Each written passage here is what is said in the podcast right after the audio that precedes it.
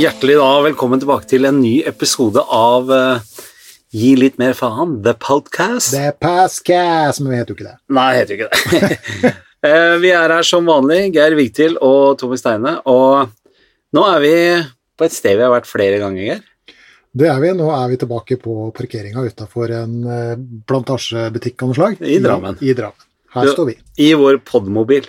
I podmobilen behørig Eller eh, podmobil. polstret. Ja, Ja. vi har hengt opp litt Molton, dekka til Molton? flate. Molton er sånn tjukt teppe som man bruker på scener, Oh. som er litt sånn lyd, lyddempende. Ja, jeg tror det. Og det er fint og lystett og Det er i hvert fall ikke for å være ekkel med deg i det hele tatt, men jeg syns vi har det betydelig mer behagelig enn inne på det kontoret nede hos deg. Det er langt mer behagelig temperatur. Men Ja. det kan jo også ha noe å gjøre med at det ikke er sol i dag, da. Ja, men da hadde jeg bare skutt på eh, AC-en i bilen. Det hadde du, vet du. Ja, så. Ja, nei, men det skal du ha. Det er, eh, det er et veldig fint studio, altså. Det er jo det. Jeg håper jo at vi kan eh, ganske snart ha gjester her inne. Ja, Hvordan skal vi få løst det, forresten? Da skal vi du sitte- i stolen her sånn, da snur vi den stolen rundt, ikke sant? Og så har vi gjesten der. Å ja, god idé. Er det ikke det? Ja, ja, kjempeidé. Oss to mot den. Jepp, det Ja. gleder jeg meg til, og det håper jeg ikke er så lenge til heller. Nei, nå etter at vi har Nå føler jeg eh, kanskje om to-tre pod- to-tre episoder mm -hmm. To-tre postkasser. Ja, holdt meg. Så må vi, må vi få tak i en gjest. Mhm. Mhm. Og vi har vel en liten sånn hmm, Jeg tror Klar idé av hvem hvem? den første er. Ja, det tror jeg òg. Ja, Hvis jeg har lest det riktig, ja. så, så det mann tror jeg veit det. mann eller dame? Dame. Jepp. Ja. Hva jobber hun som? Hun lakkerer tånegler. For, Nei, det gjør jeg ikke. nei, jeg tror hun jobber noe innenfor eh, eh, psykologi-ish. Det kan Typ. nok stemme. Ja. Da tenker vi på det samme. hva starter fornavnet på da? Eh, Jeg kan si så fall at jeg tror at hun ikke bor så veldig langt herfra. Det er helt riktig. Ja. Så vi skal snakke litt med hun. Ja. Eh, Jeg jeg skal spørre ganske snart om hun kan stille opp eh, om et par episoder. Par Ellers skal vi ikke bare spørre om hun har lyst til å være med på en fin bobiltur. Det kan vi også gjøre. Det er kanskje litt søkt. Det er søkt. Ja. Jeg tror kanskje vi ikke skal ta med på tur, altså. Men vi, vet du hva jeg tror? Jeg tror Ja. vi skal kjøre opp i, i eh, Oppkjørselen. altså. oppkjørselen. Ja. Og så skal vi ta en prat der. Og hun har mye på hjertet og er en klok dame, så det gleder jeg meg veldig til. Ja, det gleder jeg meg til òg. Men du, vi eh, sa jo i forrige episode at vi utfordra hverandre i Ja, vi, har vel, vi kalte det vel da litt sånn speiderting, Vi kalte det speiderting. men vi har vel kommet fram til at det er eh, eh, det å være litt antimoderne, var det ikke det vi ble enige om? Vi kalte det også antimoderne, Ja. og, men vi, vi prøvde jo å oversette dette uttrykket som, som, fra engelsk. Ja. Strenuous. Ja. Eh, og det har ikke jeg greid. Men det greide du. ja. Plutselig så kom du løpende, hadde jeg nær sagt, og sa 'Geir, Geir, jeg tror jeg har funnet et godt ord'. Ja, men det er fordi at eh, for det første, hvis du Google translater, -hmm. så kommer det bare opp eh, anstrengende. Ja. Og Sant, det er jo litt sånn negativt lad. Ja, og det er jeg enig med deg. Slitsomt, liksom. Ja, det, det er noe Der hadde jeg det. Ja, der hadde du bobling. i. Jinx. Ja. Skulle aldri ha sagt det i stad. Akkurat om det i stad. Men du, jeg var enig med deg. Det var litt sånn negativt la oss prøve prøvde å finne noe annet, og så sier vil jeg si det feil, for jeg sier med to s-er istedenfor én. Men eh, strabasiøst, Strabasiøst, ja. Det begynner å ligne ikke på noe. sant? At det strabasiøse livet Mm. er det, Går det an å si det? Jeg syns jo det. Livets strabas, strabaser.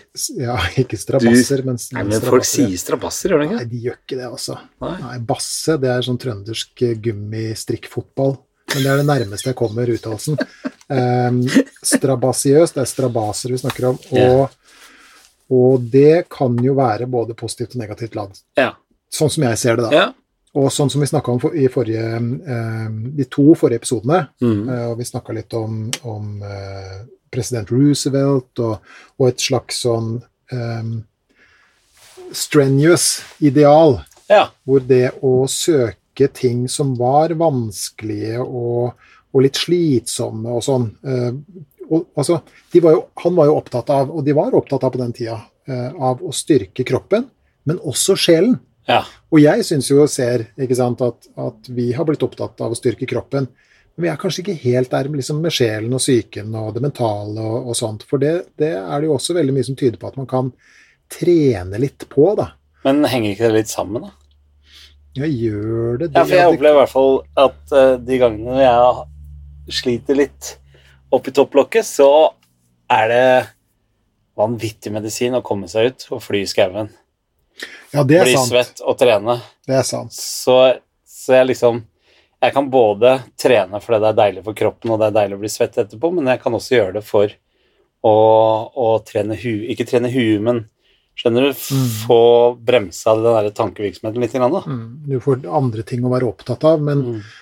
Å gå med staver er helt alfa og omega for meg. Okay. Det er akkurat som jeg, akkurat som jeg bruker opp deler av huet mitt på å, å koordinere stavegåinga. Det er såpass komplisert. Ja, jeg tror det. jeg tror det. Men du skal ikke kimse av det. Kan godt Nei, tenkes at det er det. ikke. Ja da, ja da, ja, i høyeste grad. Du, som sagt, du får, du får annet å bruke hjernekapasiteten på, da. Men det er jo noe annet, tenker jeg, enn å, og altså, ikke sant? Du, du bruker La oss bruke det bildet, da. Du bruker opp stresset ditt. Ikke sant? La oss si at du brenner opp alle stresshormonene gjennom eh, fysisk fostring. Ikke sant? Og Ja. det kan man tenke er bra. Ja. Eh, Men så kan man jo også tenke at Tenk hvis det gikk an å styrke seg selv i møte med livet. ja. At du ble enda litt bedre på å kunne tåle Bli mer hardhuda. Ja, eh, kunne tåle eh, livets regn av sten og piler, som Shakespeare sa. Ja, dette var Du er en belest mann. Ja, du verden. Ja. Ikke sant? Men, men og, og der Jeg kan også sitere Shakespeare hvis du ønsker det. For høre. jeg er på samme nivå. Okay. To be or not to be, that's the question. Ja, der har du det. Det er også Shakespeare. Det Ja, er helt riktig. ja. Men for å holde oss til, holde oss til temaet, da. Ehm, ja, på Nei, jeg skal, ikke, jeg skal ikke gå inn på det, men det er, det er på en måte temaet det du snakker om også. fordi at ehm, når, han, når han sier uh, 'to be or not to be' så Nei, vi skal ikke, vi skal ikke gå inn på Vi det. skal ikke, nei. Nei, Men jeg er ikke helt ute og sykler. Det er det. du er på ingen måte ute og sykler. Nei. Nei, fordi at den hodeskallescenen, da, Ja. hvor vi tror at han sier 'to be or not to be', som er helt feil. Han sier ikke det når han holder hodeskallen. Nei. Da sier han 'Alas, poor Yorick, I knew him well, Horatio'. Og da er han på kirkegården med hodeskallen til den eneste personen som han noensinne har følt seg elska av, nemlig hoffnarren Yorick, som bar ham på ryggen og, og tulla med ham da han var liten. Og, og der er vi på en måte litt sånn Vi er faktisk midt i dagens tema, men det skal vi komme tilbake til. Ja.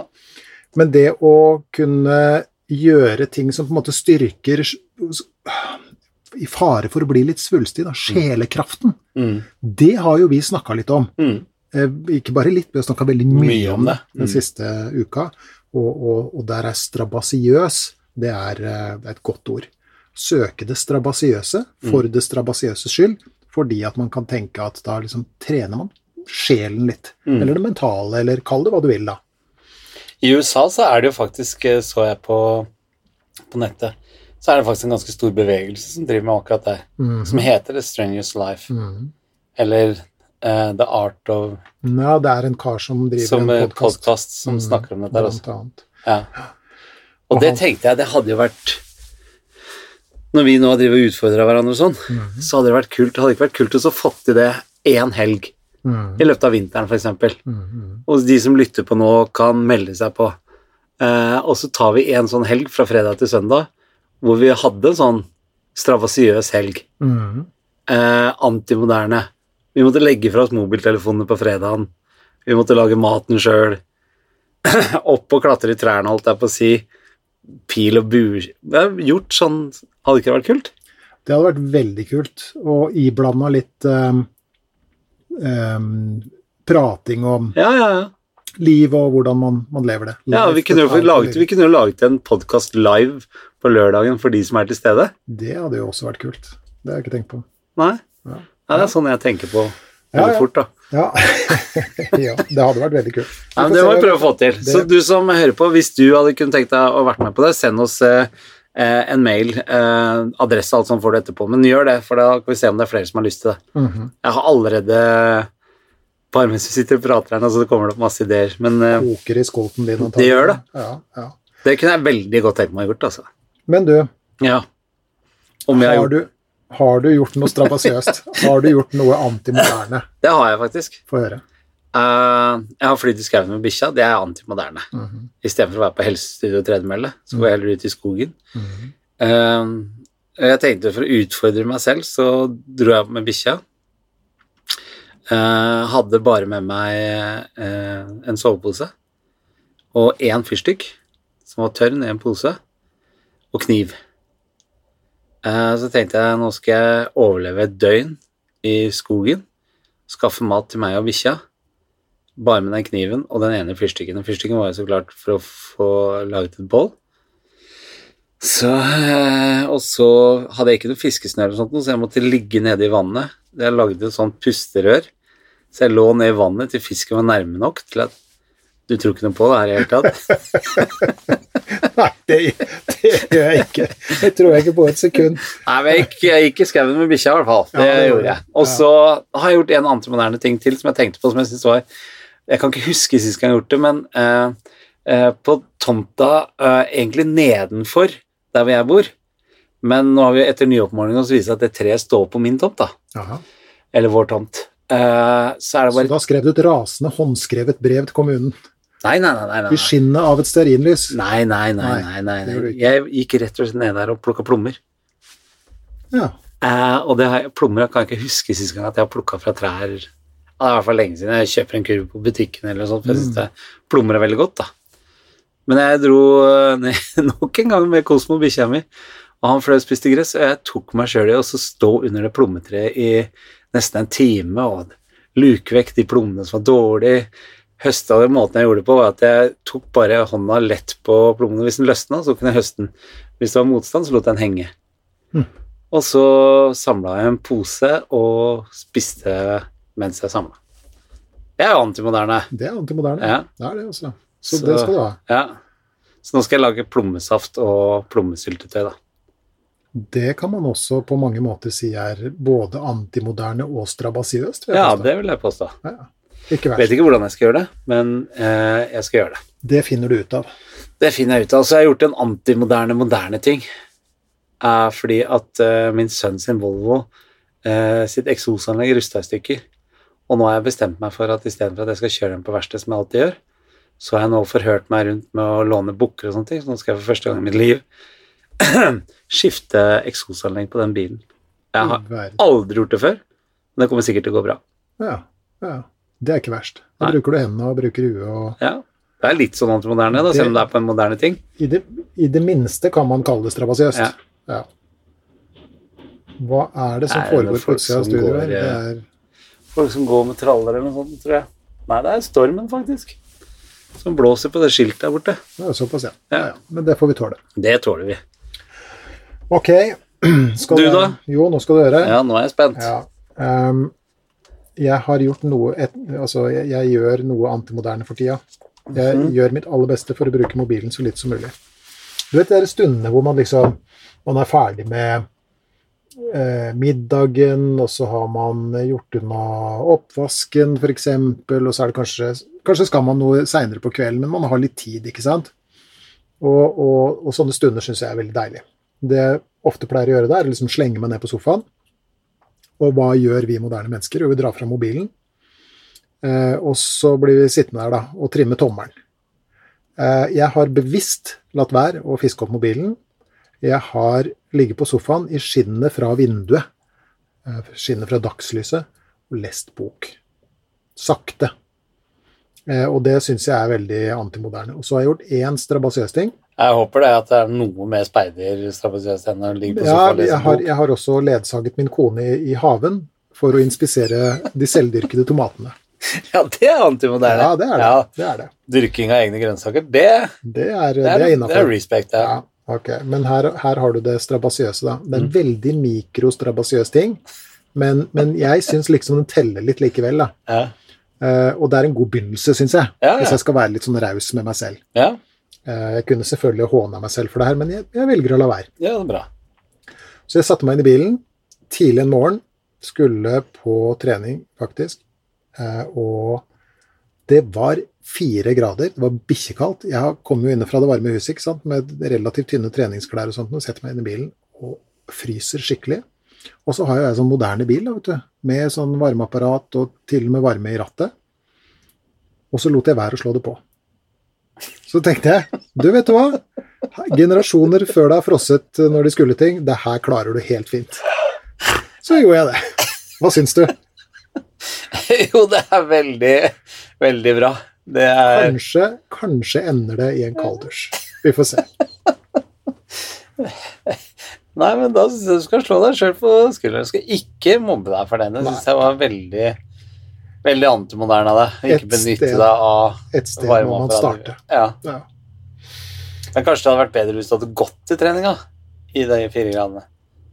Så hadde du fått kroppstemperaturen opp samtidig som du Hallo? varmet opp før trening. Hallo, jeg hører deg ikke. Det er mikrofonen der.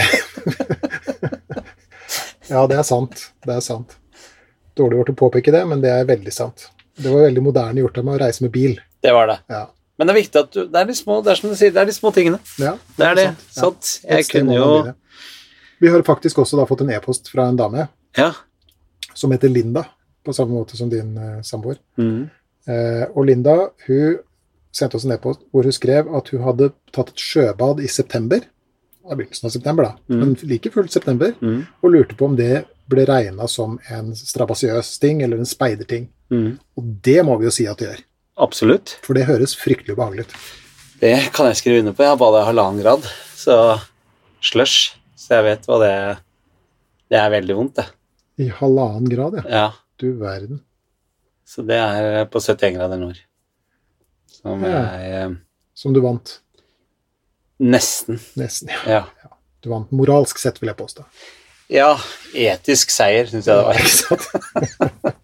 Nei, men det må vi, det må vi absolutt godta. I, i, hvis, vi, hvis, vi, hvis vi blir enige om at vi fjerner litt det der speiderstempelet, men at vi, vi prøver å dyrke det strabasiøse istedenfor, Ja. at vi skal etterstrebe det strabasiøse. Og vi har på en måte forklart hvorfor vi skal gjøre det. Mm. Det er, litt det der med body, mind, soul. Mm. Noe som jeg har valgt å kalle BMS. da. Oh, ja, ikke riktig. Mhm. Eh, så er det strabasiøse. Mhm. Og hvis man lurer på bakgrunn, så kan man høre på episode 26 og 27. Ja, da snakker vi om det. Mm. Bra! Good. Da har vi fått, uh, fått varma opp med noen minutters uh, intro den gangen her òg. Ikke så rent få. Det er, jeg tror jeg det er introrekord. Er det det? Ja, det Ja, er så bra. Vi er på 17,5. Ja, men er, det er Det- helt innafor. Det tåler vi. For jeg er litt spent på um, For jeg vet egentlig bare overskriften i dag. Ja. Hva, hva du foreslo, eh, og årsaken til at det temaet som vi skal ha i dag, er tema, eh, det var at det er en av våre lyttere som har skrevet til oss og spurt kan dere snakke om dette temaet. Mm. Var det ikke sånn det var? Mm. Eller det vil si um, Denne personen møtte oss, altså skrev til oss før, men, Ja. men møtte oss på et uh, Ja, ja, så klart. Han var på en forestilling når vi var på, i Lillestrøm, og så spurte han. Så spurte han Ja, ok, skjønner. kan dere snakke om sorg. Ja. Mm. For det er et tema som han var opptatt av. Det var han opptatt av. Ja. Uh, og jamfør Hamlet og, og med hodeskallen til Yorick, ja. så er jo sorg noe vi alle enten har erfaring med. Mm. Det, det er rart hvis vi ikke har erfaring med det. ja, veldig rart. Eh, og hvis vi skulle være så helt forbløffende heldige, eller hva man skal kalle det, og ikke vært i kontakt med det hittil, så er det nå én ting som er bra sikkert, og det er at vi kommer i kontakt med det. Sorg er en veldig naturlig del av livet. Veldig naturlig, og eks kan være også veldig, veldig smertefull og vond. Og Ja, det er noe av det mest smertefulle man kan oppleve. mm, tenker jeg også. Men tenker du da, som eh, legmann på dette her sånn eh, er, eh, er sorg eh, noe vi må ha? Hva, hva mener du med det? Ja, altså er det sånn at eh, vi mennesker eh, For det er jo som du sier, enten så har man opplevd det, eller så er man garantert at man kommer til å oppleve det. Mhm. Så det er jo en viktig eh, Selv om det er vondt, så er det en viktig del av livet. Mhm. Ikke sant? Og man skal jo Det blir snakket veldig mye om hvordan man skal behandle sorg, og ikke sant? hvordan man skal takle det, osv. Så, videre. Mhm. så jeg bare lurer på eh, Det går vel ikke an å leve et sorgfritt liv? Nei, det gjør det nok ikke. Nei. Ikke hvis man lever et vanlig liv og har et eh, intakt nervesystem, så, så går ikke det uh, an. Uh, og du, du, sier jo noe der, for du bruker et, et uh, uttrykk altså Man kan jo si at sorg er en uunngåelig del av livet. Ja. ikke sant? Og så sier du at sorg er en viktig del av livet. Ja. Og det er jo um, Det er jo kanskje sant. Det er, det er, litt sånn Det er ikke godt å si, på en måte. Nei. Fordi at uh, Vi prata jo litt i forkant av, mm. av, av innspillinga da. Og da stilte du et, et um, spørsmål som var veldig interessant, syns jeg. Oi. Og det var jo uh, Nei, du må ikke bli overraska. Det gjør vi støtt og stadig. Ja, ja, ja. ja. Det, og det er bra. Det er, du, det er, eh, det er Prøver å følge med, da, vet du. Ja, ja, ja. Og det skal du ha. Men, men, spørsmålet var bra, og spørsmålet var noe i retning av um, Der kom det. um, hva, hva, er den evolusjonære bakgrunnen for sorg? Ja. Altså, hva er poenget med sorg? Ja, det var det jeg sa. Og det satt vi jo og, og gnura litt på og mm. diskuterte. Og, og, det er ikke så lett å, å, se at det skal være noe poeng med sorg Nei. i seg. Nei. Bortsett fra det at vi vet at det er en uunngåelig del av livet. Mm. Med mindre vi ser f.eks. til filosofi og religion og sånn, som jo vi også er opptatt mm. av. ikke sant? Og, og da kan man jo men da, da, er vi jo litt mer inn i spekulasjonene på et vis, da. Ja, det skjønner jeg. Hva, hva, er, hva er poenget med sorg? Uh, altså, skal vi kalle det filosofisk sett, ikke sant? Mm. Eh, og, og, og, igjen, det er ikke så godt å si, men du har jo tidligere fortalt historien om da du eh, opplevde dødsfallene til dine barn. Mm. Og da traff du en lege som sa noe som jeg forstår gjorde inntrykk på deg, Veldig. og som um, det høres ut som om det har blitt nesten en slags sånn ledesnor også. Jeg vet ikke, jeg har lyst til å fortelle Nei, han sa fordi at det føles jo Det, det spørsmålet jeg stiller Jeg var jo veldig ung, jeg var jo 21, tror jeg. 2021. Ja, samme. Rundt der. Um, og veldig vanskelig å se meningen med at sånne ting skal skje. Mm. Jeg kunne liksom ikke helt se at jeg oppførte meg så dårlig i livet at jeg fortjente det. Mm. For det var da et tvillingpar som, ja, som, som var dødfødt? Nei, dø, ene døde fødselen, andre døde rett etterpå. Ok. Uh, um, og da ble vi uh, tvunget i anførselstegn til å bli igjen på barneklinikken på Aker sykehus i tre-fire dager, om ikke mer. Uh, og jeg skjønte ikke Jeg ville jo bare vekk derfra. For rundt oss gikk det jo høygravide folk som venta på fødselen, og folk som var i fødselen, og folk som nettopp hadde født, og vi hørte jo ungeskrik og sånn hele det Det var jo en sånn enorm reminder over det vi sjøl gikk glipp av. Uh, og da spurte han legen om hvorfor de igjen, hvorfor de ville at vi skulle være der. Uh, og det syns han svarte utrolig fornuftig på, som gjorde at jeg slo meg til han, gravide folk, ny, uh, folk med nyfødte barn, eh, sånt, det kommer dere til å møte den dagen dere går ut av døra på sykehuset her også. Her så har vi et apparat til å kunne støtte dere i den første fasen av det sorgarbeidet. Så det syns jeg var veldig fornuftig. Mm. Men så satt jeg opp og snakket med den natten det skjedde også, og da sa jeg at jeg har veldig vanskeligheter eh, eh, å tro på noe Gud, eller vanskeligheter med så Ikke sant, hvem er det som vil at noen skal oppleve dette her? Eh, og da kom han med Han trodde på Gud, da. Eh, så han sa eh, Og han er jo overlege og ser den elendigheten og sykdommer og sånn hele tida. Han var barneoverlege hver dag ikke sant, til jobben sin. Så sa han at han har funnet trøst i at han hadde slått seg til ro med at eh, dessverre så tror han at livet er sånn at du må oppleve kontraster for å lære deg å sette pris på ting. Altså, du setter ikke nok pris på å være mett hvis du ikke vet hva det vil si å ha vært sulten du er ikke flink nok til å se på oss her i Norge, da, som, sånn som min og din generasjon. Vi har jo ikke opplevd krig. Så vi er jo ikke så sykt opptatt av fred, og, for, for, vi tar det som en selvfølge. Mens generasjonene før oss, eller våre besteforeldres generasjon, da, som opplevde hva krigen kan gjøre med oss, satte jo mye mer pris på fredens dager enn det vi gjør. Så han var veldig sånn at, at uh, uh, hvis det gikk an å se et snev av uh, mening med det, da, så var det Han sa det at når dere får barn neste gang, så kommer dere til å sette litt ekstra pris på det som ikke folk har opplevd det som dere har opplevd, kommer til å gjøre. Mm -hmm. Og det gjorde vi jo, da. Mm. Hva, tenker, tenker, hva, tenker, du om hans uh, hva skal vi kalle det, nærmest forklaring i dag, da? Nei, jeg, jeg, jeg støtter meg fortsatt til den. Mm. Uh, jeg syns uh, fremdeles Og det er veldig lett å si når man ikke er i en sorg sjøl, at ja, ja, men det er derfor, og, og sånn. Altså, det er ikke meninga å være eh, overflatisk på det i det hele tatt, men det er en sånn Når vi begynte å diskutere i stad hvorfor skal vi ha sorg, hva er, hva er meninga med å ha sorg, eller hva kan vi tjene på å ha sorg, så eh, tror jeg det kan i hvert fall være en liten bit av puslespillet, av forklaringen på det. Mm. Mm. Men jeg har lyst til å spørre deg om én ting til når det gjelder sorg også. Mm. Er sorg noe vi kan styre sjøl, eller får alle det? Hva tenker du på da? Sånn, Nei, jeg skal forklare hvorfor jeg lurer på For okay. jeg vet jo at uh, forskjellige kulturer har jo forskjellige måter å takle sorg på. Så, sånn som i, i mange land, f.eks., så er ikke begravelse det at en dør, nødvendigvis forbundet med noe trist. Ikke sant? De feirer heller livet til den personen som er dødd, enn å gråte over døden til den personen. Mm -hmm. Ikke sant? Så, så, de har valgt liksom en annen approach, og så tenker jeg at da kan det jo tenkes at ikke de føler det samme sorgen og tapet over den personen, da, fordi de er oppdratt av fra de var bitte små til at det er en ting vi skal feire. Mm, mm. Uh, og at også at noen personer takler sorg veldig mye dårligere, eller blir mye hardere rammet av sorg mm. enn det andre blir.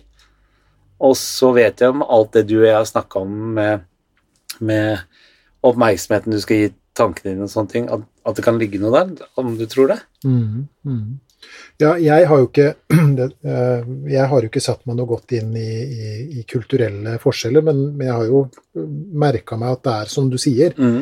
at, at, det er forskjell mellom kulturer. Noen, noen kulturer har jo, som du sier, litt sånn eh, et, et eh, nærmest sånn eh, feirende forhold til døden. Ja. Noen jeg lurer på om det var i Mexico eller et eller annet, det var i Sør-Amerika et sted i hvert fall, hvor de, hvor de, tar opp de døde, og så tar de ut av katakombene og sånn en gang i året. Ja. Og, og, og, kler dem og spiser sammen med dem og, i det hele tatt. Så, så det er jo Det er jo uh, andre kulturer kan ha andre forhold til døden uh, enn det vi har. Ja.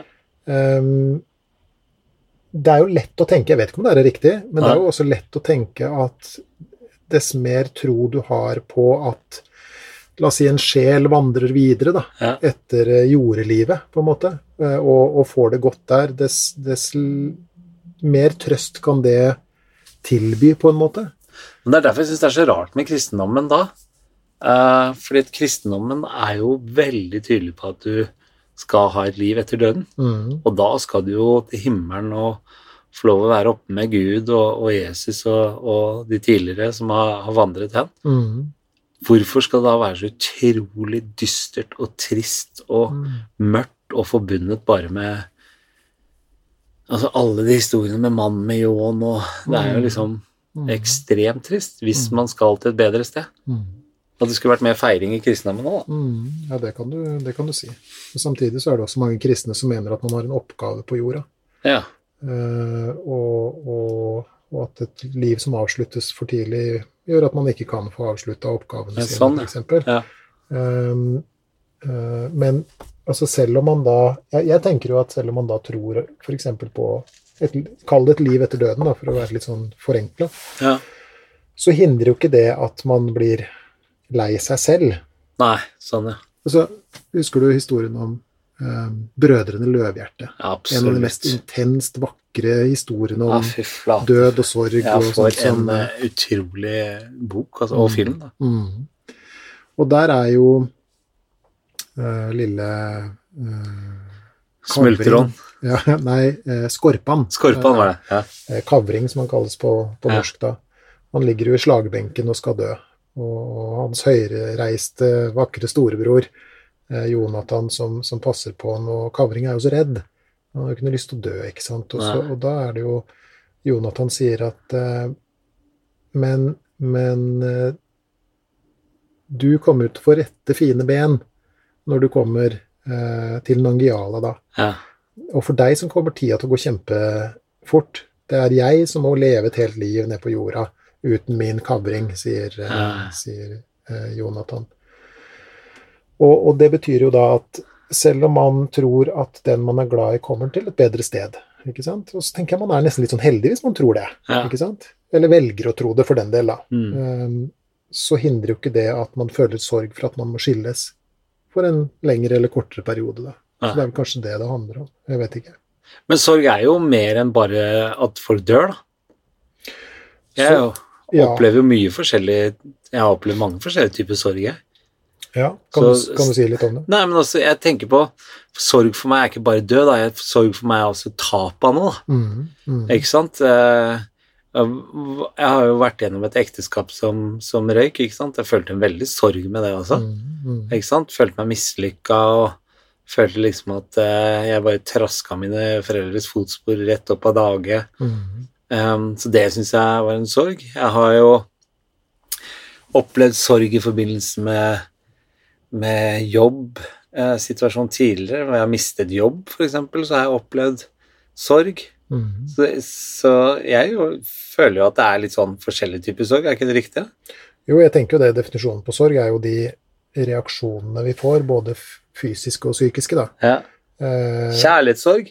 Ja, kjærlighetssorg. Oi, oi, oi. Det er jo supervanlig. Men, men, men, de reaksjonene vi får når vi mister noen eller noe vi er glad i. Ja. Og da skjer det jo noe med oss. Ja. ikke sant? Og CS Lewis, han som jeg nevnte forrige gang, og som er en av mine uh, yndlingsforfattere, da, han, han uh,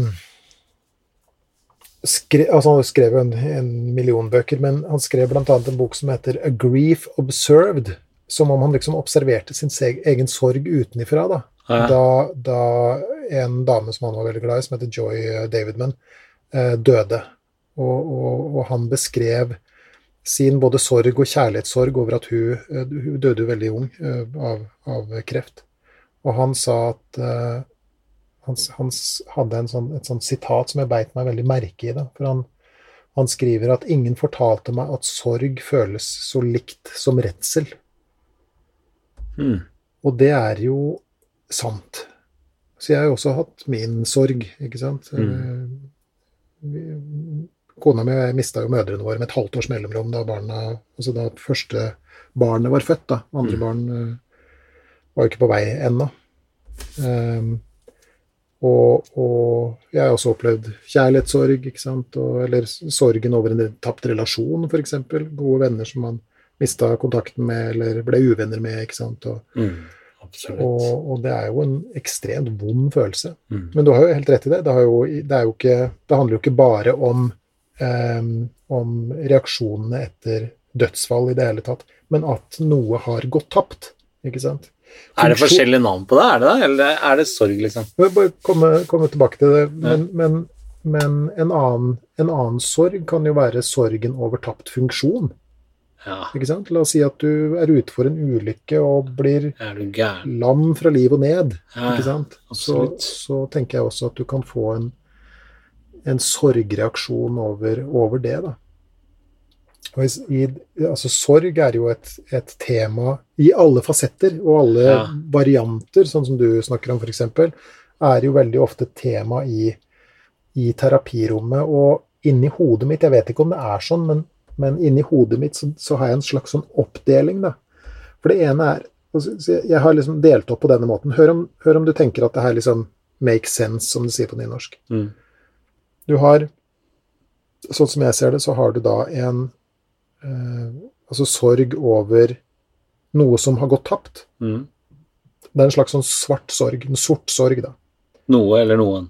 Noe eller noen. Mm. Ikke sant? Om det er funksjon eller relasjoner eller dødsfall eller hva det er. Ja, ja. Eh, så er det en, en sort sorg. En sort sorg. Mm -hmm. altså det er sorgen over noe som har skjedd. Ja. Ikke sant?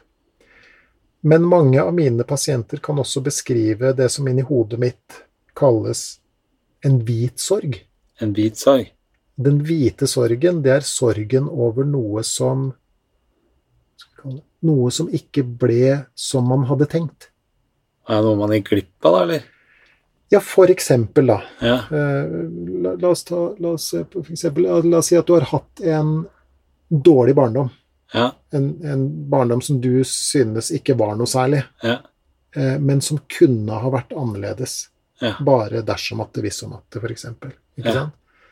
Eller sånn som jeg personlig i, i, Jeg vokste opp uten faren min. Mine foreldre ble skilt da jeg var veldig liten. og, og, og på den tida der så var det jo sånn at mødre og fedre bodde på hver sin side av landet, og nå bor de jo i den andre delen av tomannsboligen ofte, ikke sant. Ja. Men, men, men, så jeg savna jo faren min veldig mye. Jeg hadde en glimrende stefar, en kjempebra kar, men, men, du vet nå hvordan det er, da. Ja.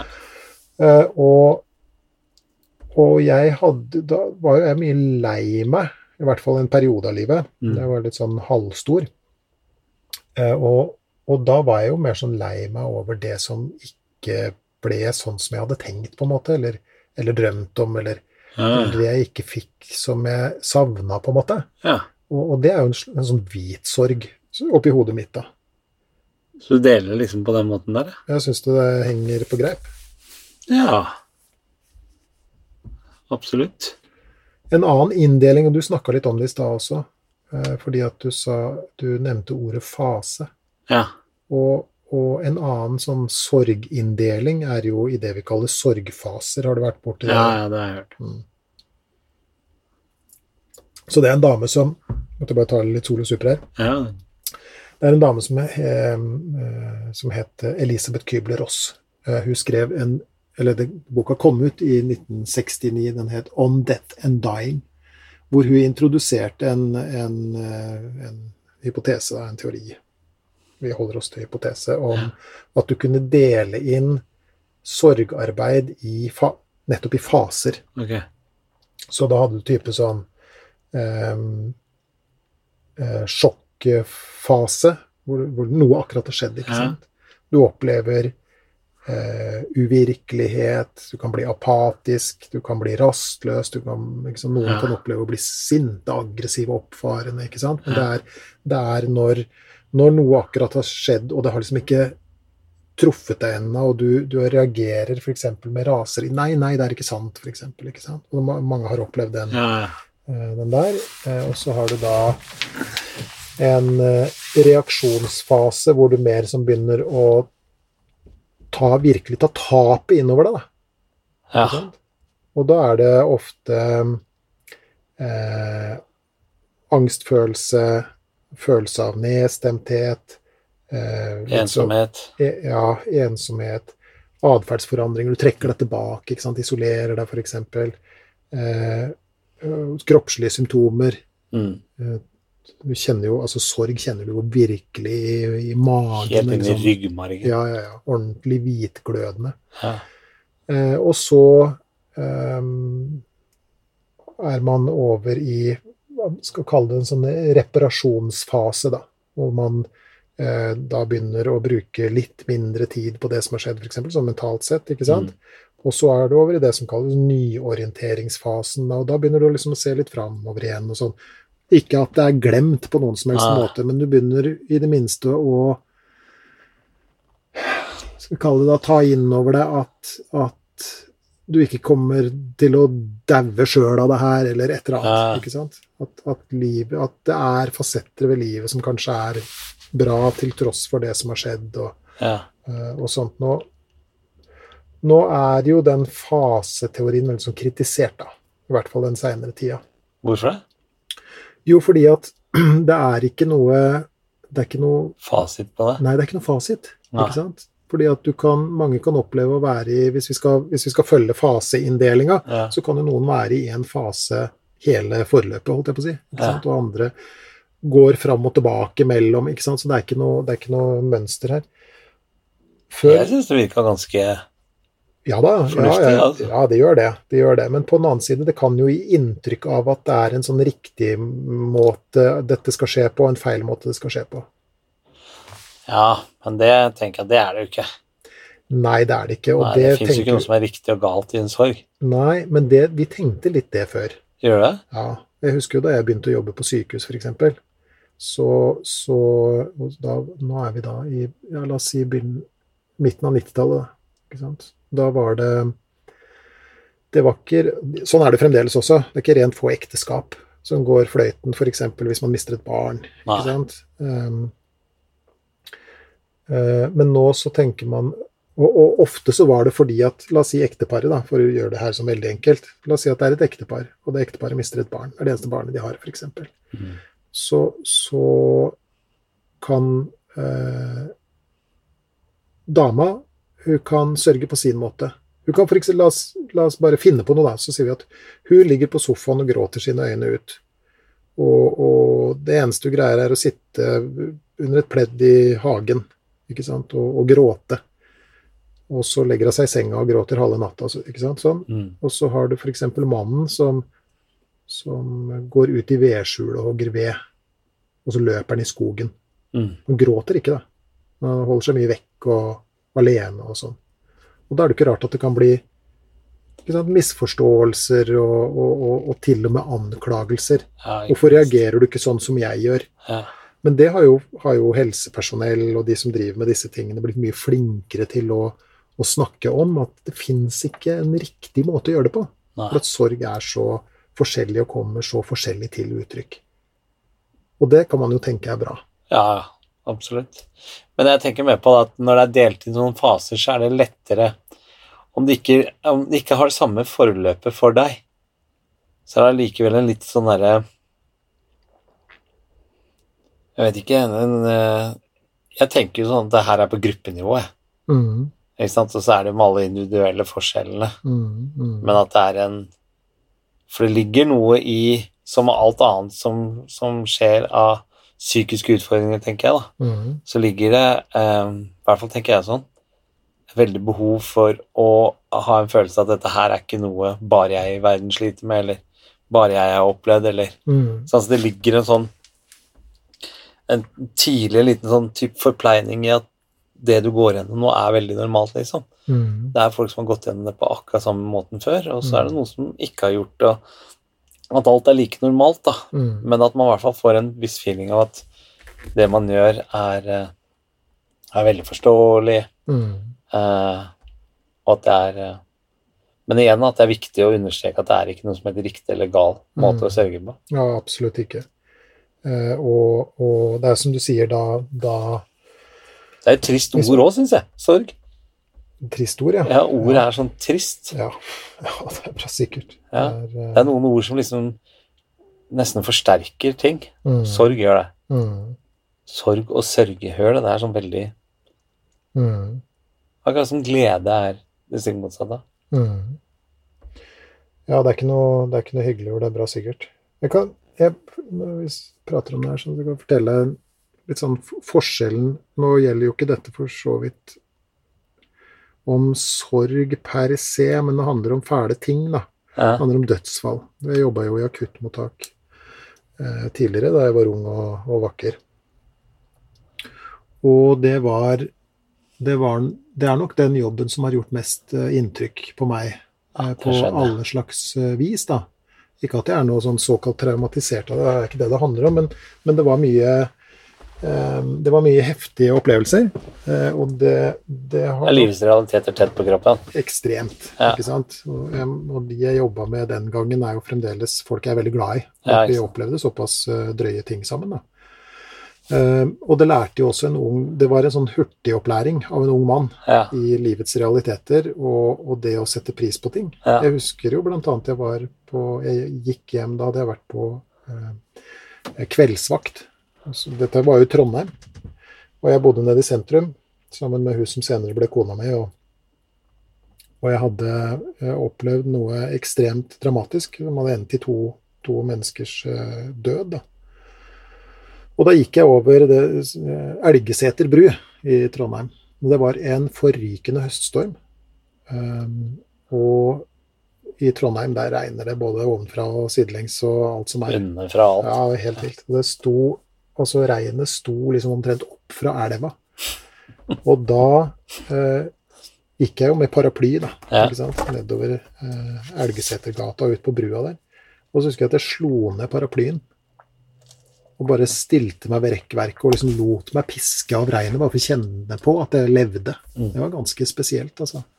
Men, men, det er to sånne episoder på en måte som henger veldig igjen da, fra den, eh, den tida der. Det ene var eh, noen som eh, mista eh, et gammelt familiemedlem 97 år eller noe sånt nå, og, og ropte og skreik. Og, og, og, en av setningene som ble ropt 'Hvordan kunne dette hende oss?' Til tross for at dette mennesket var 97 år gammelt. ikke sant? Og så har vi en annen episode hvor, hvor et menneske dør, et ungt menneske, og hvor en av vedkommendes nære slektninger sier det kan ikke være sant, hvorpå en annen slektning sier jo, det er sant. Dette har skjedd, og det må vi forholde oss til. Så her er det også to forskjellige sånne måter å håndtere noe fælt på. En sorg, nyoppstått sorg på. Mm. ikke sant? Eh, og en annen historie da som jeg har fått lov til å fortelle. Jeg skal ikke, jeg skal ikke fortelle uh, si, hvem det er osv., men det er et menneske som jeg ser uh, veldig opp til på, mange måter, og som har lært meg veldig mye om sorg uh, den siste tida. Et menneske som er ganske nært innpå meg, og som, som opplevde å miste en sønn. Mm. Under veldig dramatiske omstendigheter. Aldeles forferdelig. Det gikk, det gikk inn på alle oss rundt vedkommende. Ja det som, det som var så spesielt, da, mm. det var å se denne ja, Det er litt som C.S. Lewis som jeg snakka om. ikke sant? A grief observed, altså mm. det å, å, observere en sorg utenifra. Det kan jo også En ting er jo at eh, Jeg kan ikke engang forestille meg hvordan det opplevdes for uh, hun jeg nå snakker om. Nesten så jeg sliter med å snakke om det. Ja, det er helt Det er så, det er så gruelig at det, det, er jo, det, er jo, det verste vi kan tenke oss. Ja. Men, men også Eh, jeg har jo, jeg jo snakka med hun om det her og, og, spurt om jeg kan få lov til å fortelle den historien. fordi at det å observere hennes sorg fra utsida, det var veldig spesielt. Ja. Og, og, også um, Hvis jeg kan være så nærmest kald, da, og si lærerikt. Ja. Det denne eh, dama greier å gjøre, oppi alt det som er så vondt og så meningsløst og så hinsides, er at hun, at hun greier å eh, opprettholde faktorer som gjør at hun Hva skal vi kalle det? Greier å holde fast i livet, på en måte. Så det hun gjør, da, ja. er at hun står opp til samme tid hver morgen. Og så går hun f.eks. tur. Så spiser hun frokost. Og så eh, går hun på butikken, handler inn til middag, og så lager hun middag, og så legger hun seg til samme tid. ikke sant? Og det vil da si at det hun gjorde, var å opprettholde rutiner Rutine. oppi det totale kaos. Det har vi, vi snakka om før. Vi har om det før. Ikke sant? Mm. Der orden versus kaos. Mm. Og hun var så klok at hun skjønte at hvis jeg nå Og det ville jo vært det letteste i verden for hun, ville jo vært å legge seg i fosterstilling ja, ja. og si Sorry, jeg gir opp. Det her, blir, det her er for overveldende. Ja. Og, og, og, jeg skal fortelle deg at det var overveldende, men du greide å holde fast i en liten flik av det vi kan kalle orden. Ja. Og, og, sett utenifra så kan det se ut som om det gjorde at hun ikke drukna i kaoset, på en måte. Ja. Og, det, det syns jeg var liksom så godt gjort. Hvis det, det ikke, ikke at det skal være noe prestasjon eller noe sånt, det er ikke det jeg sier, men Men det er veldig imponerende. Ja, det er jo det det er. Ja. En annen ting da jeg snakka med hun for ja. ikke så lenge siden, da og vi satt og snakka om det her, så, så sier hun at jeg bestemte meg for at um, jeg skulle At jeg ikke skulle lage meg noen form for definisjon av hva som var riktig og feil. Ja. Ikke sant? Det vi akkurat snakka om? Det vi akkurat snakka om. Ja. At, at, det ikke liksom skulle være en riktig måte å sørge på, en feil måte å sørge på, da. Hun bestemte seg for å ikke eh, skjele til hva hun trodde andre mente var riktig. Hun bestemte seg. Høres ut som en veldig klok kvinne. Hun er helt hun, det, Dette er en bra dame, altså. Ja. Hun er, og hun har opplevd uh, hårreisende ting før. Uh, og, og, og, har en en klok innstilling til livet, det, skal jeg love deg. Misforstå meg rett, altså, men det, ja, ja, ja. det her høres ut som en, en har vært uhyre interessant å prate med. Mm, mm, det, er, det, er, så gøy å, å, møte Gøy er helt feil ord å bruke nå. Det det er såpass interessant å møte folk som du virkelig skjønner kan eh, bidra, og gi deg noe. Mm. Det er det jeg mener. Mm. Mm. Men eh, får jeg lov til å spørre Jeg skal bare, bare si en ting til, for ja. det, det, her er uh, uh, viktig. Her har du tenkt mye på. ja, jeg har tenkt mye på det. Og jeg har jo sett det her utenfra nå i, i, flere år. Ja. Og, og, hun klarer seg bra og er en, en virkelig bra dame, altså. Og er til stor hjelp for veldig mange. Men vet du at hun klarer seg bra, eller er det bare tilsynelatende? Nei, det, det vet jeg. Det, det vet jeg. Ja. Og, og, og, det betyr ikke at, at, det ikke altså. er fælt og vondt fremdeles. Nei, nei, det er ikke det, jeg mener. Men at... Hun står på beina. Ja.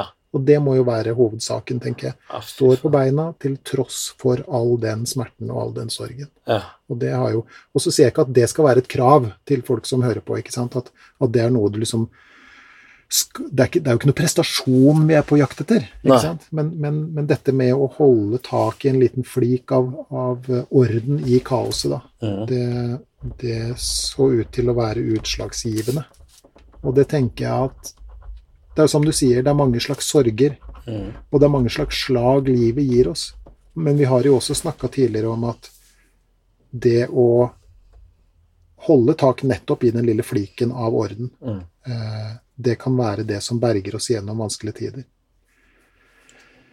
Eh, og, og, som sagt, hun eh, Men da kan jo det kanskje gjelde nesten all slags du... Ja, men det er jo det. det, er jo det ja, ikke sant? Ikke bare sånne groteske nei, ting, men, nei, nei, men også andre men også andre, ja. andre, slags trøbbel i livet. Da, ja. ikke sant? At vi, eh, at vi holder fast i, i, eh, Rutinen. i, i rutinene.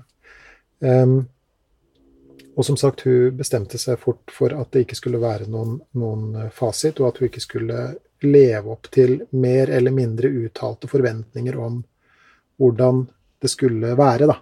Men Hvordan kunne hun vite at hun skulle gjøre alt dette her sånn riktig, riktig anførselstegn? Nei, nå er jo Nei, altså det, Dette er jo en, en, en, dame som var klok fra ja. før, ja, ja. og som også jobber med disse tingene. Oh, eh, og, og, eh, og, jeg vet ikke hvor hun, hun har det fra, men, men det var eh, Men Er ikke det noe av det som er imponerende med fryktelig mange av oss mennesker, da?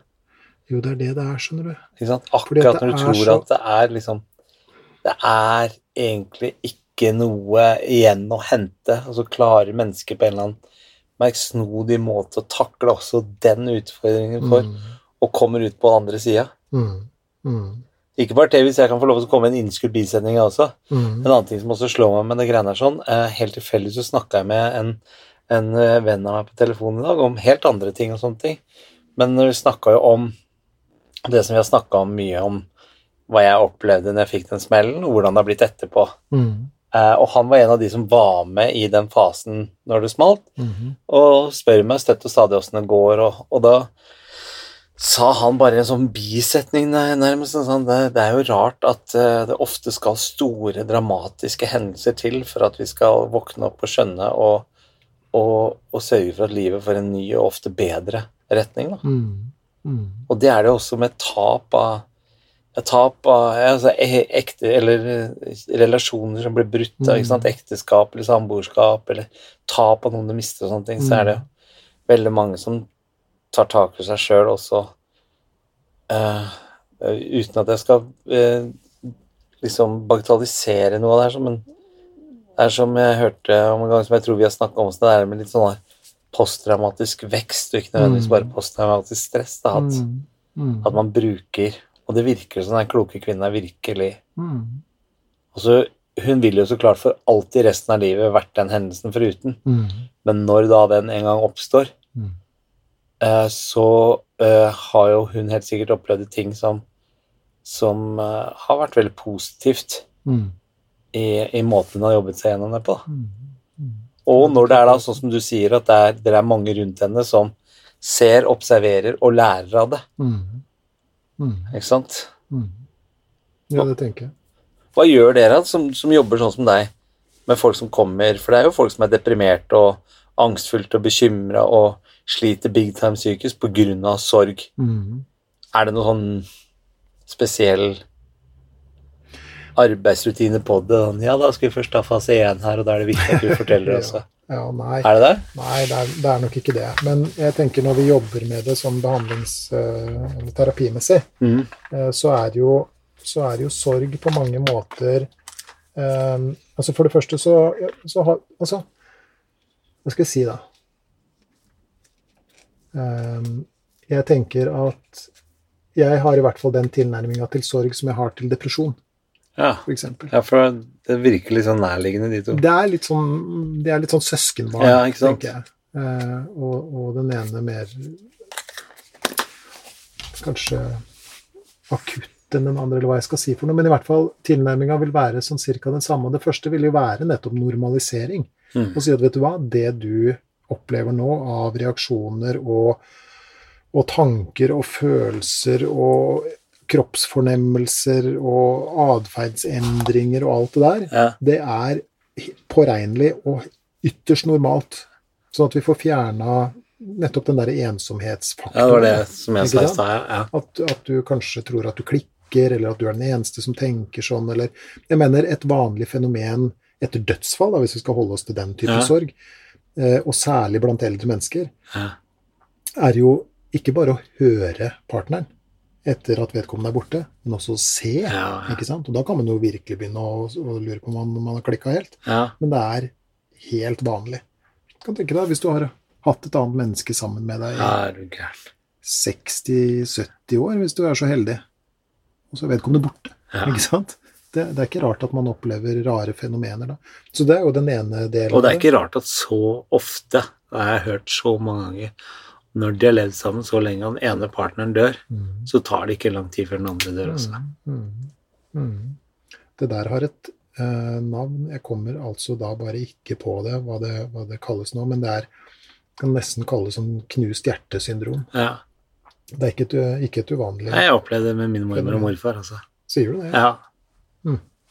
Mm, Og jeg tror det hadde gått enda fortere hvis det var mormor som hadde gått først. mm, Morfar hadde Han hadde ikke Nei, han hadde ikke sett et snev av vits i, å de to var så tette, altså. det, det du sier nå, minner meg om en historie av, uh, som Viktor Frankel forteller om i, i den boka som heter 'Man's Search for Meaning'. Kan vi ta en litt sånn innskutt bisetning Ja, på det? Altså, For det dreier seg om en, en gammel mann som kommer i og skal gå i terapi hos, uh, hos Viktor Frankel, som er psykiater. Ja. Um, denne mannen har blitt uh, enkemann. Mm. Han er dypt deprimert og er i, i, i total sorg over tapet av livspartneren sin. Eh, og, og har mest lyst til å gjøre slutt på det hele. Ja. Men han, han, han har åpenbart så mye livsgnist da, igjen at han kommer til Viktor Frankel ja. som jo er opptatt av dette med mening osv. Og, og ved å fortelle den historien her, så betyr ikke det at jeg sier at det er noe krav at, at man skal eh, finne mening i alt. I hvert fall ikke i et tragisk dødsfall eh, på den måten. Men, men, men historien da, eh, som Viktor Frankel forteller, er at han snakker da med denne eldre herren, Mm. Eh, og så sier han Eller de snakker da om den sorgen som vedkommende da opplever i forbindelse med eh, konas dødsfall. Mm. Og han sier at han ser ikke noe mening i det her, og at alt da han bærer logikk, føles meningsløst, at han har det helt forferdelig osv. Og, så og så sier Viktor Frankel Hvordan tror du det hadde vært for kona di om det var du som døde først? Og så svarer da enkemannen at det hadde hun ikke klart. Hun hadde, det hadde vært så forferdelig for hun at, at hun hadde ikke visst hva hun skulle gjort. Det hadde vært en sorg så total at, at den hadde knapt vært til å bære. Litt på samme måte som din, med andre ord. Ja, litt på samme måte som min.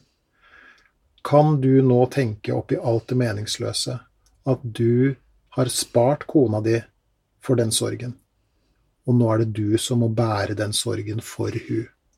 Hva tenker du om det? Wow. Der snur det for den gamle enkemannen, som går ut fra kontoret til Viktor Frankel og antagelig tenker at det er en mening oppi alt det meningsløse, nemlig at det er, det er jeg som bærer det korset her nå. Så slipper kona mi det. wow. Og det er en ganske heftig historie. Ja, fy fader. Men i hvert fall. Tilbake til dette med behandlingstilnærminga, da. Um,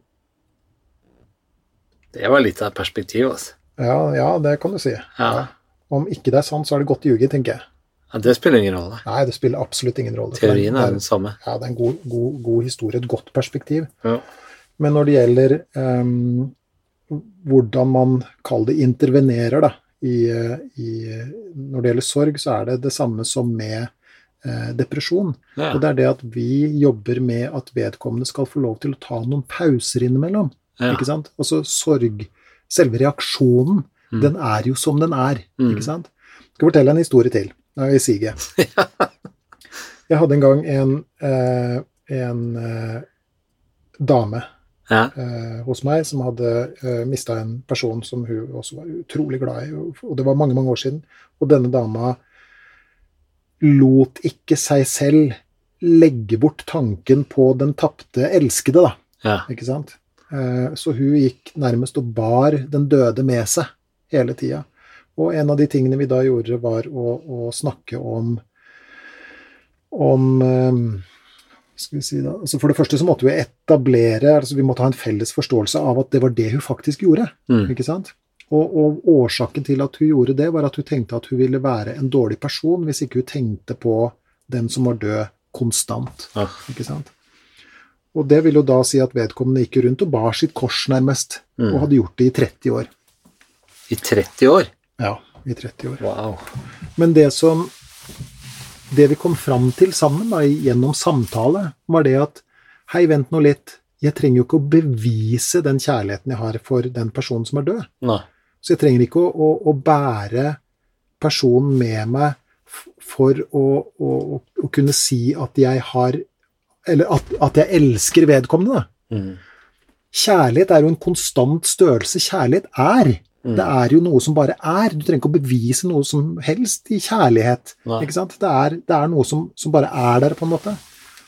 Og da hun forsto det, og virkelig tok det inn over seg, da kunne hun i overført betydning legge fra seg den døde, i hvert fall innimellom. Ja.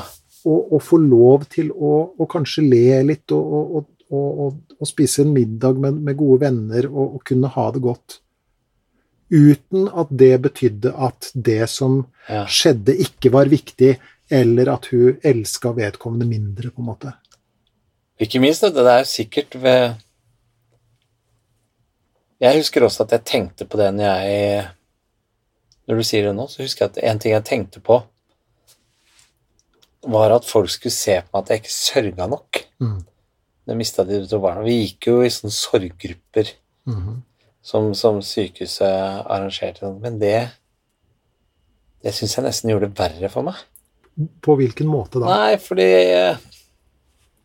Ja, på hvilken måte? Jeg, akkurat som jeg ikke hadde lyst til at eh, Vi satt jo der sammen med masse andre folk som hadde mista Det her var jo eh, en sånn foreldregruppe var folk som har mista barn. Fra null da til ti år, tror jeg det var. Og jeg fikk ikke noe utbytte av å sitte og høre alle de andre triste historiene også. Og eh, jeg husker at jeg tenkte at ok, mine barn døde jo i Eller rett før, eller i fødselen, eller rett etter. Eh, mens her var det jo folk som hadde mista barn i ulykker når de var fem og seks og sju år gamle. Jeg syns jo det må være mye verre. Mhm. Og så husker jeg de fortalte oss nei, det var de ikke enig i, fordi at de hadde i hvert fall de minnene å se tilbake på. Altså, det ble nesten sånn derre For meg å være i en sorggruppe, så var det nesten sånn derre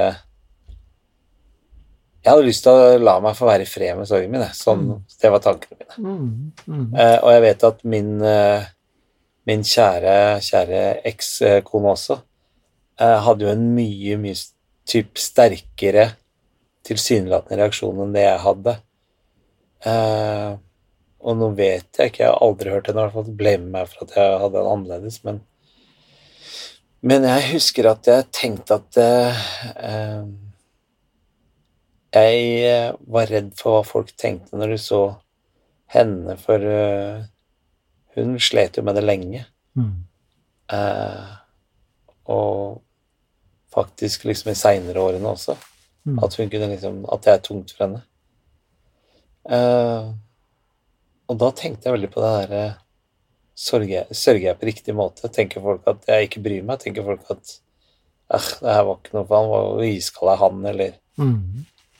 uh, så, så da igjen, da, det her med å utad ha den rette sorgreaksjonen. Mm. Mm. Uh, ja, det er jo et godt, godt eksempel på at, at sorg kan være forskjellig. Ja. Eh, og jeg har også snakka med folk som eh, har fått mye både hjelp og utbytte av sorggrupper. Ja. Jeg tenker at det er godt å dele det, Ja. og, og få lov til å fortelle det. Og så er det noen som ikke syns det er ålreit i det hele tatt. Nei, jeg er en av de. Ja, og, og noen kan fortelle at de føler seg verre når de har vært der, f.eks. Ja, jeg gjorde noe sånt. Ja.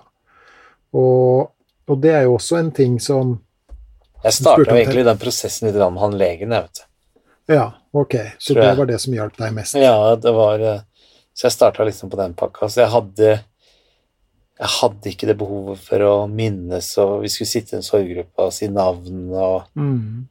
og hvilke data Altså det var sånn derre jeg føler liksom sånn at vi Mm. skulle bare sitte der og i, i vår verden og gruble sammen. Mm. Mm. Eh, Ja, det er jo men jeg skjønner at jeg, jeg tror hun jeg bodde sammen med, eller min ekskone, hun hadde, nok antagelig utbytte av det. Ja. Og jeg spurte henne flere ganger om jeg skulle bli med for hennes skyld. Mm. For det var jeg villig til å gjøre. Mm. Men, eh, men folk er forskjellige. Folk er forskjellige. Mm. Og i, i terapirommet så, så vil man jo la eh, mennesker få lov til å fortelle historien sin, for det er viktig. ikke sant? Å bli hørt og forstått, og, og ikke minst få inntrykk av at den andre som sitter overfor deg, forstår at det her var kjempefælt for deg. Mm. Men så vil vi jobbe vil vi jobbe for nettopp å skape litt pauser. Mm. At det mennesket tillater seg selv å få litt pauser fra sorgen i hverdagen. Sorgen kommer, den. så det er Komme ikke seg litt videre, liksom. Ja, om ikke komme seg litt videre, så i det minste ikke være i den 100% av tida. Ikke sant? Unnskyld at jeg ler, du er bare så utrolig diplomatisk når, du, når jeg sier feil. Jaha, hvordan Så du svarer alltid ja, om ikke, om ikke Så- akkurat det, så Ja, ja. Nei, men altså, altså jeg, jeg, altså jeg sier jo det fordi at jeg forstår hva du mener, Ja. ikke sant? og så vil jeg nyansere det litt. da. Ja. Men, men innenfor metakognitiv terapi så tenker man jo at man blir ikke mindre trist av å snakke om triste ting. Ikke Nei. sant? Men hvis min eh, klient har lyst til å snakke om den personen som er død, Mm. så, så får vedkommende lov til det.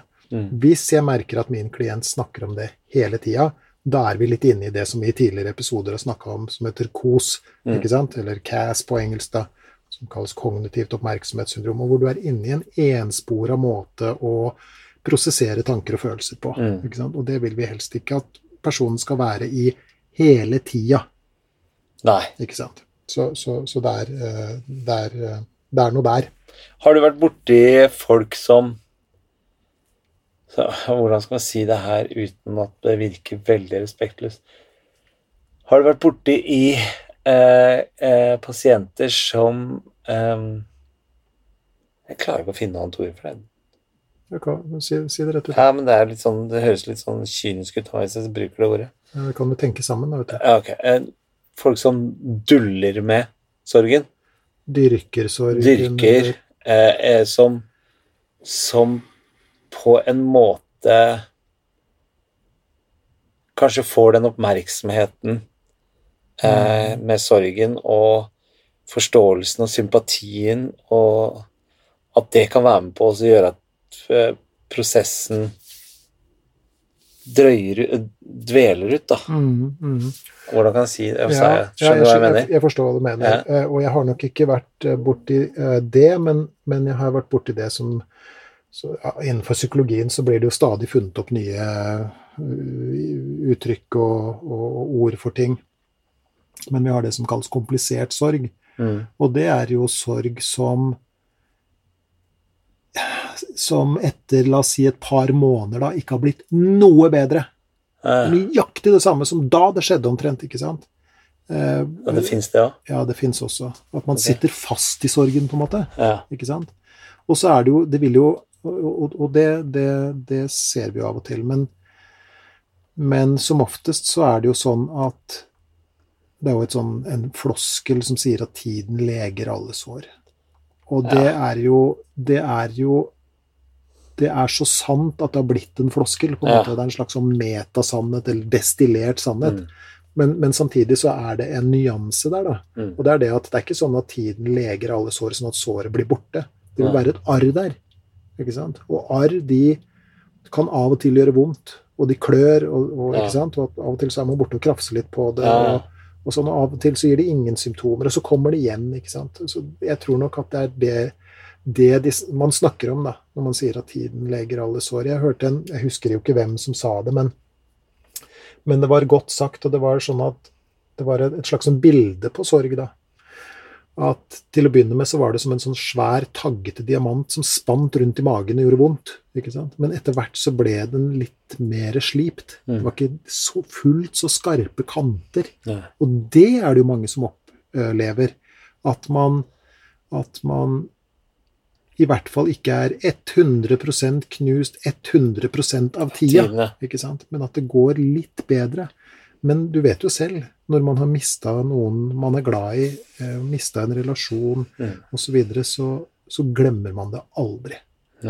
Og det blir en del av livet, og det blir en del av vår livserfaring. Og noen ganger det er litt som han tyske filosofen igjen, han som het Nietzsche, han, han har jo sånn berømt uttrykk, han sier 'det som ikke dreper deg, styrker deg'. Og det høres igjen litt sånn floskelaktig ut, men, men noen kan oppleve å bli helt ødelagt av en sorg. Ja. Hele livet.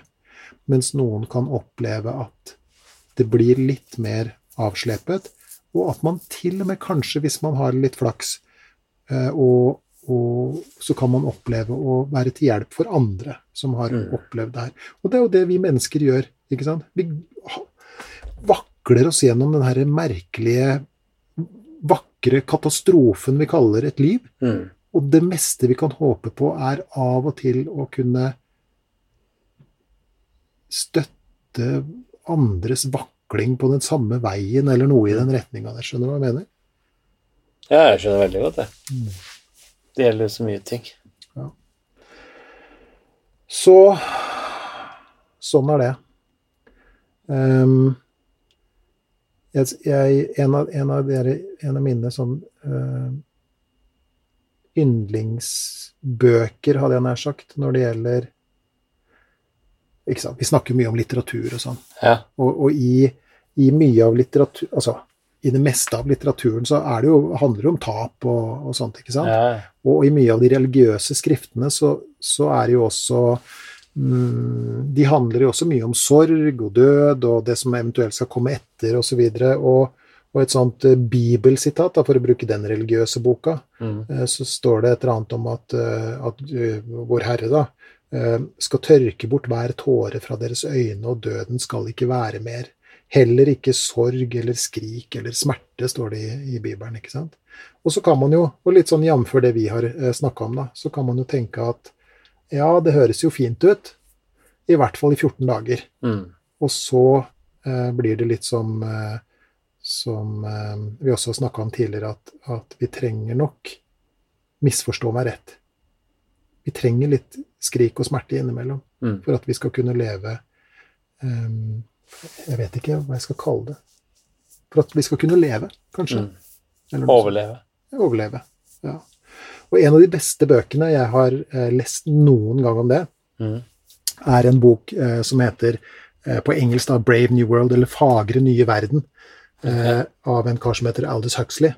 Og jeg har tatt med meg den boka hit i dag. Ser du? Og greia er at 'Fagre nye verden', da, 'Brave ja. New World', den handler om et samfunn der sorg og skrik og smerte og begjær osv. ikke finnes lenger. Redsel, alt det der. Ja, ja, det har du snakka om før. Ikke sant? Ja. Fordi at man har noe som heter soma, som er et slags sånn, sånn som jeg oppfatter det, er et slags sånn narkotikum hvor du døyver alle, ja. eh, all smerte, og, og, ingen Det finnes ikke misunnelse, sjalusi, ingenting. ikke sant? Men så er det én fyr da, som bok, i boka kalles Villmannen. Og villmannen, han, han, vil liksom ikke være med på det der. Og på et eller annet tidspunkt så, så kommer han da i kontakt med en sånn verdensdiktator som heter Mustafa Mond, som, uh, som da er liksom sjef over hele uh, verden, da. Og de snakker nettopp om det her med, med livets lidelse og så. Um, og så uh, sier um, han Mustafa Mond, han verdenslederen, Han sier at ja, men det er så mye eh, bryderi med livet. Ikke sant? Det livet som du eh, lever. Du må jo heller leve det livet hvor du kan ta soma og, og slippe unna alt det her. Og så sier Villmann ja, men jeg liker bryderiet. Men det gjør ikke vi, sa verdenslederen. Vi foretrekker å gjøre ting på den behagelige måten. Så svarer villmannen da.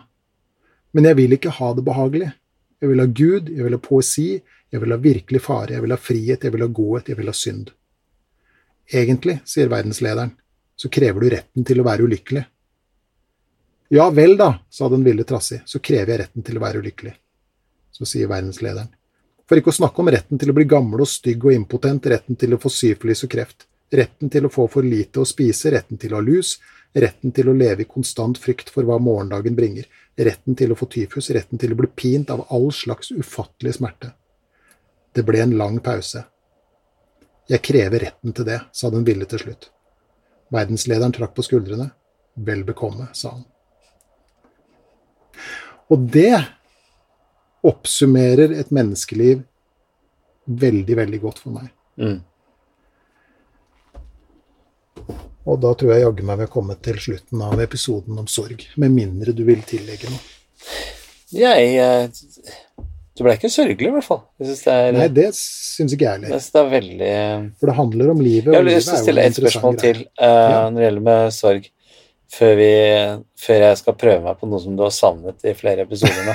ja, det gleder jeg meg veldig til, for det her er jo helt vilt. Uh, er du redd for å oppleve sorg?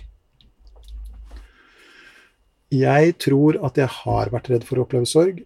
Jeg føler en slags sorg over at jeg vet at jeg kommer til å oppleve det. Ja. Eh, men etter alt jeg har lært om livet, nå er jeg blitt 50 år gammel, ja. og, og, de siste årene har vært sånn stormlæring for meg. Så Tilfeldigvis den tiden du har kjent meg, da. Ja, ja, nesten, ja, nesten det også. Men, men ja, når vi først snakker om litteratur, da, så, så, er det jo mange Igjen, det er mange historier. De aller fleste historier handler om, om sorg og smerte osv. Og, så og en av de aller viktigste historiene, sånn som jeg har eh, sett det, Eh, og det de siste årene, det er jo historien om Noah mm. fra Bibelen. Mm. Ikke sant? Så kan du igjen, da Der er jo ikke noe sånn kristenpodkast, og du kan tro akkurat hva du vil om Bibelen osv., men, men at, at det også der er noen historier som forsøker å fortelle oss noe, det er jo heva over enhver tvil, ja, det... sånn som jeg ser det. Men i hvert fall historien om Noah, det er jo lett å tenke at det er en sånn historie om en fyr som plutselig får stemmen til Gud inn i huet og får beskjed om å bygge en båt og samle to mygg og to gjødselbiller og ikke sant? Og så, sånn. To haier, hvordan han fikk med seg det. Ja. Men, men, dypest sett så er det jo ikke det det handler om. For det handler om at det kommer en flom, og Noah får beskjed om å bygge en båt. Og på samme måte som at Noah, til tross for alt ubehaget og redselen osv., overlever flommen, så er historiens eh, kjerne da, at flommen kommer i våre liv også. Ja. Ikke bare én gang, men flere ganger. Den vil komme. Hvis ikke den allerede er der og har vært der, så, ja. så, vil den komme, og det vil komme nye. Og den siste flommen som kommer, er jo når vi selv skal dø. Ja. Ikke sant? Um, sånn at Som hvilket også er ganske uunngåelig. Som også for de aller fleste er uunngåelig. Ja. Uh, og det betyr ikke at jeg ikke skal vi si ikke er noe engstelig for det, eller, eller noe sånt. Men jeg vet at flommen kommer. Mm. Og så vet jeg at jeg bare er et menneske. Og så vet jeg at det kommer til å bli ufattelig smertefullt. Mm. Og det er ikke så verst å vite det. Nei. Fordi at da har du bygd en ark. Når du vet det. Ja, Du føler at du har forberedt deg på det? Ja, ikke forberedt på den måten, Nei. men det å vite det. Ja. Ikke å være naiv overfor det faktum. Det er, eh, det er Tror du det vil lette deg når det kommer, da? Jeg tror det vil være Misforstå meg rett lettere på den måten at hvis du er naiv og forsøker å eh, hva skal vi si, fortrenge det faktum at flommen kommer, og at den kommer på deg som et sjokk og nærmest som en krenkelse. Hvordan kunne dette hende oss? Vi mista mora vår, hun var 97 år. Mm. ikke sant? Så tror jeg at det blir lettere på den måten. Men absolutt Det er jo sånn depressivt ordtøkje vet du, som sier hver gledesstund på denne jord betales skal med sorg, sa de gamle dager. ikke sant? Det var helt grusomt. Men dypest sett så er det jo på en måte sant. En, en annen ordtøkje er jo det som, som, heter sorg er kjærlighetens pris. Ja. Det er den prisen du betaler for å elske. Ja. Og den, den, må vi alle cashe inn før ja. eller seinere. Men jeg tror at det er verdt det. Ja. Det er det som er poenget. Og ikke vie det for mye oppmerksomhet heller. Ja, det skal jeg ikke si noe om. Før den kommer, mener jeg. Ja, sånn sett, ja. ja. ja for det er bekymring. Ja. Det gidder vi ikke. Det gidder, det gidder vi ikke å bruke tida på. Så, så, så, så, når du ser, sier det på den måten, ja, da tenker jeg det er helt riktig. Det orker Jeg orker ikke å sitte og bruke tida på det.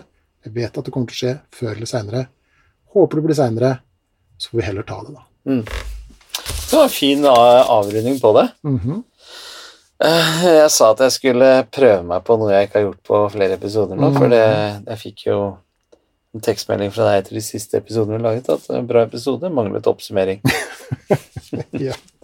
uh, så jeg tenkte at jeg skulle prøve meg på en liten oppsummering av sorg, da. Ja, nå er jeg veldig, veldig spent, for det her var jo en Ja, det blir vanskelig. Det er en veldig lang eh, episode. Vi er nå på 1 time og 21 minutter. Ja, det er det. Mm. Sånn går det når du sitter med skjermen vendt mot deg.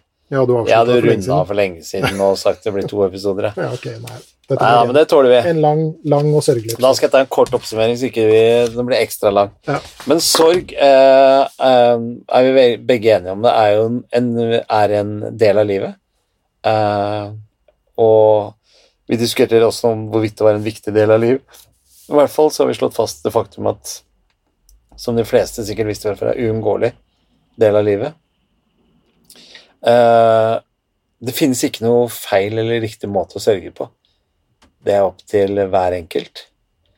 Uh, du har oppi hodet ditt som den terapeuten du har, så har du på en måte delt inn litt i, i forskjellige blokker. Uh, hvor du har delt inn sort sorg, som er forbundet med tap av noe. Tap av noe eller noen. Mens hvit sorg eh, handler mer om eh, ting man ikke har fått opplevd, eller eh, ting som man eh, Hva er det du brukte som eksempel her, egentlig? På, på et godt eksempel på hvit sorg? Ting som ikke ble sånn som man hadde sett for seg. Sånn som man hadde sett hvordan du så Ja, der mm. sa du det. Mm -hmm. det var også en eh, dame ved navn Else, var det det hun het? Som i 69. Hva het hun? Eva? Og Elisabeth. Elisabeth, Gubler-Ross, ja. ja. ja. Som også eh, på en måte delte inn sorgen i forskjellige faser. Eh, hvor det var eh, sjokkfasen, som var i det øyeblikket liksom det skjedde. Og så var det fasen hvor de Hva det het? Re, re, reaksjonsfasen, ja. Reaksjonsfasen, hvor det begynner å synke inn hva som har skjedd, og reaksjonen du får da. Og tredje fasen var Reparasjonsfasen. Reparasjonsfasen. Og så har, var det en fjerde fase òg? Ny. Ny, nyliv. Nyorienteringsfasen. Ja, nyliv, nyliv, som jeg kaller det. Ja, riktig, du kaller det det. Eh, og hun har jo da også klart, som alle andre som kommer med fantastiske store finneteorier, møtt mye motstand, og, mm. og, at det lett da kan eh, virke som om det er noe som er gal måte å sørge på, og riktig måte å sørge på. Jeg nevnte også at uh, jeg med den sorgen som jeg har opplevd, uh, hadde jo en lege som sa at kanskje en bitte, bitte liten brøkdel av betydning eller mening med uh, sorg er at man skal oppleve kontrasten, og med det lære seg å sette en større pris på det motsatte. og det har du på en måte også sagt i form av andre floskler, som du sier, at, at sorgen er prisen vi betaler for å elske. Som jo igjen er litt av den samme tesen, egentlig, mm. sånn, sånn, jeg ser det for meg. Mm. Uh, og i uh, arbeidet deres uh, med å, å bidra til folk som, som, som har det vondt pga. sorg, da, ser at det er sorg og depresjon er litt sånn søskner til hverandre. Litt av de samme kjennetegnene man kjenner på begge to. Eh, og at dere lar folk få lov å ha den sorgen som de har, men at jobben består i å trenes opp til å kunne finne noen pauser fra sorgen. Eh, og litteraturen som du har vist oss i dag med både den ene og den andre forfatteren, er jo smekkfull av alt dette her med sorg. Eh, fordi det er et såpass stort og viktig tema for oss alle. Eh, du bruker ikke noe tid på å være redd for sorgen, men du har gjort opp noen tanker på at du, eh, det kommer til å bli særs ubehagelig, som det sorget er. Men flommen kommer før eller seinere. Uten at vi skal bruke tid på å bekymre oss for når den kommer. Det var min oppsummering. Den var veldig bra. Ja, var Ikke det minste sørgelig, Nei. og veldig sånn to the point, som de sier borti Ny-Norge. Ja, ja nei, og jeg har ikke tatt notater engang, Nei, så det, det er jeg, så det er uh, intet mindre enn imponerende. Nei. Uh, men uh, for å runde av, så hadde vi også eh, innledningsvis så snakket vi også om eh, dette nye prosjektet vårt. Ja, det potensielle nye prosjektet kan Nei, det er det nye prosjektet. På en eller annen måte så må vi jo Verste art. Ja, vi skal jo bli eh, Mister Strabasiøsos. Ja. Du skal skifte Du skal ta inn litt mellomnavn. Ja. Tommy Strabas Så Steine. det var- Ja, nå sa du med to s-er, heter Ja. Strabas. Oh, ja, ok, unnskyld. Eh, men uh, men eh, hvis folk har lyst å være med oss på en sånn weekend Mhm. en eller annen gang, vi veit ikke når, det er ikke sikkert det skjer før jul, men det er samme. Vi skal lage en sånn weekend hvor vi er sammen eh, og har en antimoderne helg, Mhm. eh, og kommer til å etterstrebe det strabasiøse. Mhm. Hæ? Det var fine ord Ja, på ja, Harald, sant? Ikke dumt. Uh, Hvor, skal den foregå, da? Nei, vi må finne et eller annet Jeg, jeg har en tanke, men jeg kan ikke si noe i tilfelle det ikke blir der. Men Ja. jeg, jeg tror jeg har en veldig god idé på hvor vi kan gjøre det. Snakker Eh. vi det, det sentrale Østland? Det er sentrale Østland. Ja. Uh, men vi kommer så klart til å opprette forskjellige underavdelinger både på Vestland og Nord-Norge. Ja, du tenker det. Ja, ja, ok, greit. Eh, og vi skal ja. ha livepodkast der også, Ja, ok. Bra. med kameraoverføring. Så Nei, det skal vi altså ikke det, men det er vi får se, da, vet du. Ja da, ja. Men hvor skal de sende da? At ja, dette har vi lyst til å være med på. Hvor kan de sende det? Jo, eh, det skal jeg si. Jeg må bare si noe annet først. Og Ja, det jeg er at vi, oppfordrer, vi oppfordrer folk til å gjøre en strabasiøs ting i løpet av neste uke. Ja, hver uke. Ja, den Og får du sende også. oss altså. Ikke Ja. sant? Du skal gjøre noe strabasiøst. Ja. Okay. Antimoderne strabasiøst. Ja, ok. Så da har vi den uh... Og nå har du brukt opp ikke bruk av varmeapparat i bil. Du må komme på nye ting. Ja, ja, den, jeg, jeg skjønner at den var litt feig, men det er bare en Nei, start. ikke feig, men det var bare en start. Ja, men en start. Ja. En litt forsiktig start. Okay. Så vi kan Også, ikke gjøre de samme tingene. Jeg kan ikke si at jeg plukka plommer neste uke òg. Nei, det kan du ikke. Nei, og ikke ikke, så ikke rips eller, eller den Nei, nei, nå må jeg finne på en ny greie å gjøre. Ja, ok. Greit. Og så, og så eh, håper vi at eh, hvis du liker det du hører, så at du trykker abonner, for det er helt gratis, og at du sprer det glade budskap eh, om en eh, denne gangen litt sørgelig podkast. Eh, men i hvert fall, hvis eh, du har lyst til å skrive til oss med ris, ros eller en, eh, en halvpåmelding Ja. til, til vår ikke noe påmelding, men bare at det, ja, det høres interessant ut. Jeg være med på. Intensjonserklæring. Ja, intensjonserklæring. Ja, ok. Da kan man sende en e-post til gi litt mer f i ett ord at gmail.com. Mm. Gi litt mer f. Krosefjøll. Gmail.com. Det er kanskje det rareste. Hva sa du? det var Krosefjøll? Krosefjøll.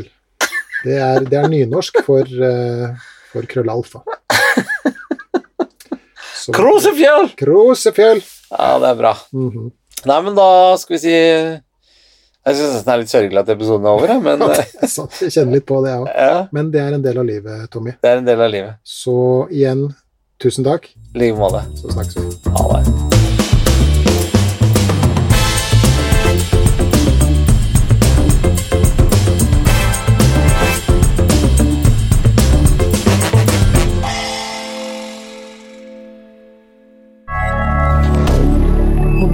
Moderne media.